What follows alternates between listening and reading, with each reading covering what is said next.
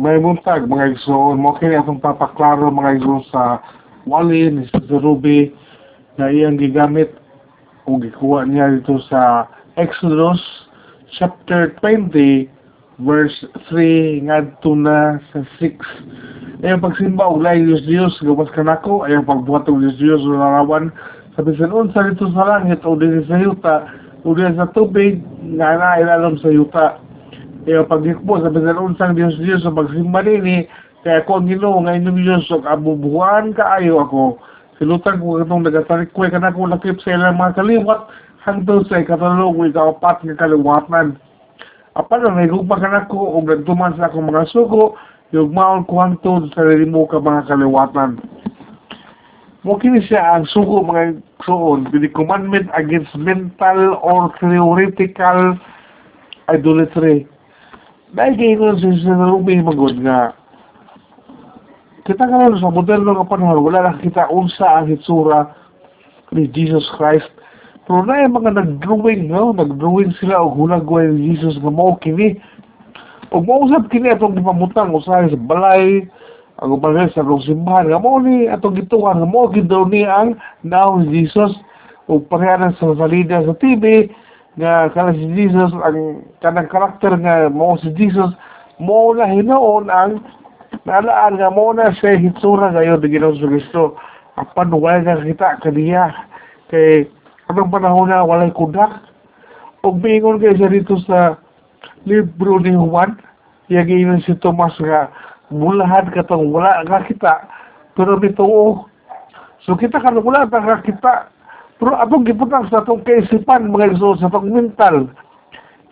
Pareha na mag-abot. Ibutang na ang mental picture niya atong nangung ang murag sa Ginoo sa Kristo.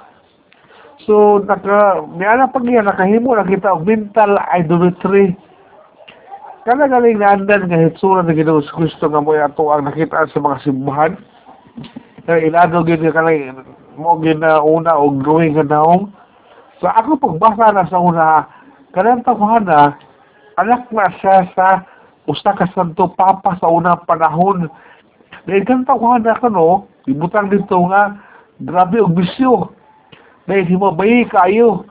Dahil gipahimuan niya iya kagulingon o kinilitrato o hinungdan palangga tayo na sa iyang amahan na sa papa no sa papa ng anak na eh mo ay gihimo o ganang mura o expression baga mo ni siya ang itsura sa ginoo.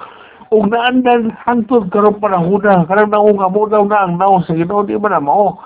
No that is theoretical idolatry. Muna siya. O kani sa versikulo 3 nga gibutang gihatag nga balaod sa Dios ni Moses muna ni siya giingon nga ah versikulo 4 gikan muna siya giingon nga practical idolatry katong mga Dios Dios o larawan nga dili ngayon paghikbo o pagsimba niadto kanila. Ngayon dira sa verse 3 ha, na no strange gods before me. Wala ang Diyos nga atong ipuli ngayon sa matuod ng Diyos. Kaya ang kaning mga Diyos-Diyos nga atong gihimo, wala kita makita, madawat ka pawiba sama sa gihimo sa tinuod nga Diyos Yatong panahon nga iyang giluwas sa nga katawuhan. Ang Diyos Diyos ka nang gipuli na to sa Diyos mga igsoon kung na aduna magali kita kaniyan to wala kita na naluwas. Apan ang tinuod ka Diyos, mo gini siya ang galuwas ka nato. The true God has been familiar to us. Sa ito pa nailhan kay nato ang tinuod ka Diyos. Tungod sa iyang mga milagro nga gihiwo nato. O sa ato ang pagka suod kaniya naghahimo pagad kita sa pagsimba o pagtawag sa iyang ngalan. Ang uban nga Diyos, dili na to suod, wala na kaila. Diyos Diyos ba, karong gagmay. O, ato lang sa gihimo aron maka malingaw ta nila. Dili man siya limitado ni aning mga giingon nga mga santos karon o unsa din nga mga gipangkulit. Pili man siya mahimong kwarta. Pili na siya mahimong tawok na itong mga idol-idol sa TV. Pili ngayon na siya mahimong Jesus kita. Kaya nagsaling kita, kita hawod na ta.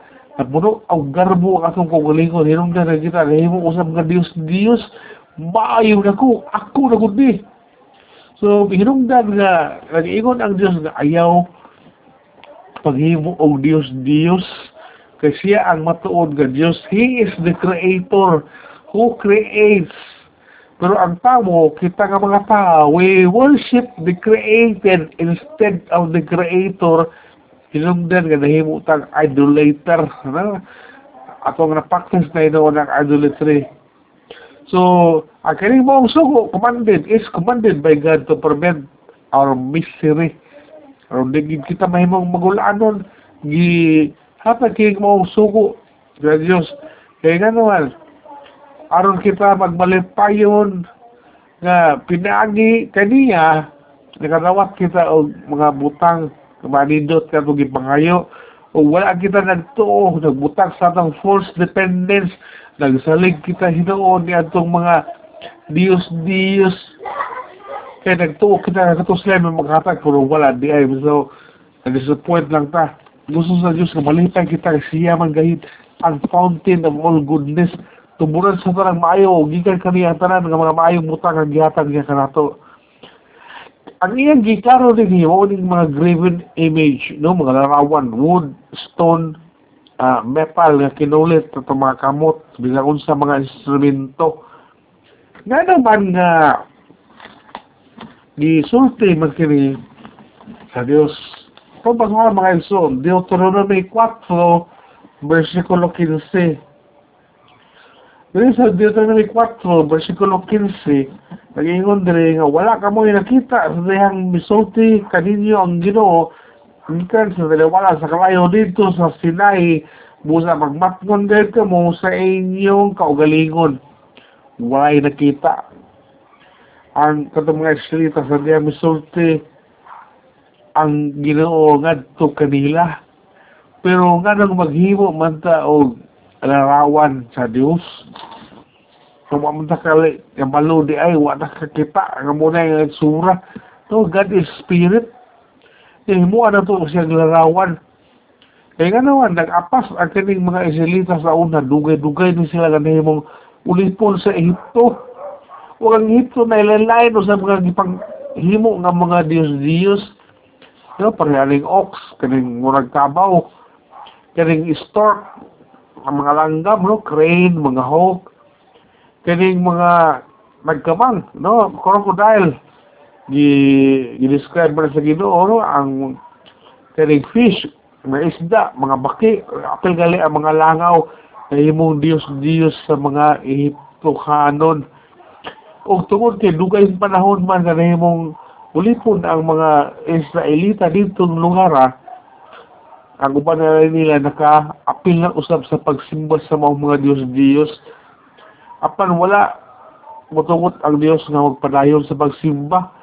Kay matod pa niya dito sa versikulo 5 nga siya usa ka jealous God.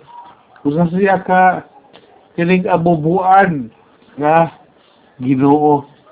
Naman naman siya og jealous God. Gipakita sa Diyos ang iyang kinaiya sa paghiyugma sa iyang katawan nga gusto niya affectionate kayo siya nga ang paghiyugma sa katawan. Dito lamang ngayon kaniya o dili kini mabalhin sa lain. Na kung mabalhin kayo sa lain masuko din siya kay dili siya gusto. Siya na yun ang target sa gugma nato mga igsuon dahil maghatag siya og kaluoy sa tanan nga nahigugma kaniya kaya naman, because love is the grand principle of obedience. Ang dako kaya nga prinsipyo sa pagtuman, pag himo ngayon sa kaning bugos nga kaning commandment nga gihatag sa Dios pinaagi dinha sa gugma. Kaya kung wala kay gugma, ah, wala mo kay obedience.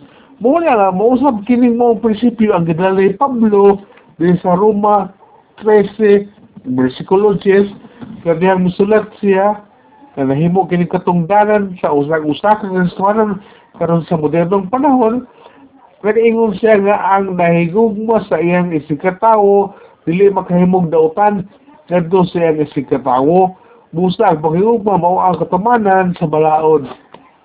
No, ah, love is the fulfillment of the law. Pwede ni mo sundo ng Ten Commandments karon sa panahon sa grasya. Pwede po dili. Kung dili atong sundon ang katong gihatag nga bagong commandment di ginang sugisto nga love one another.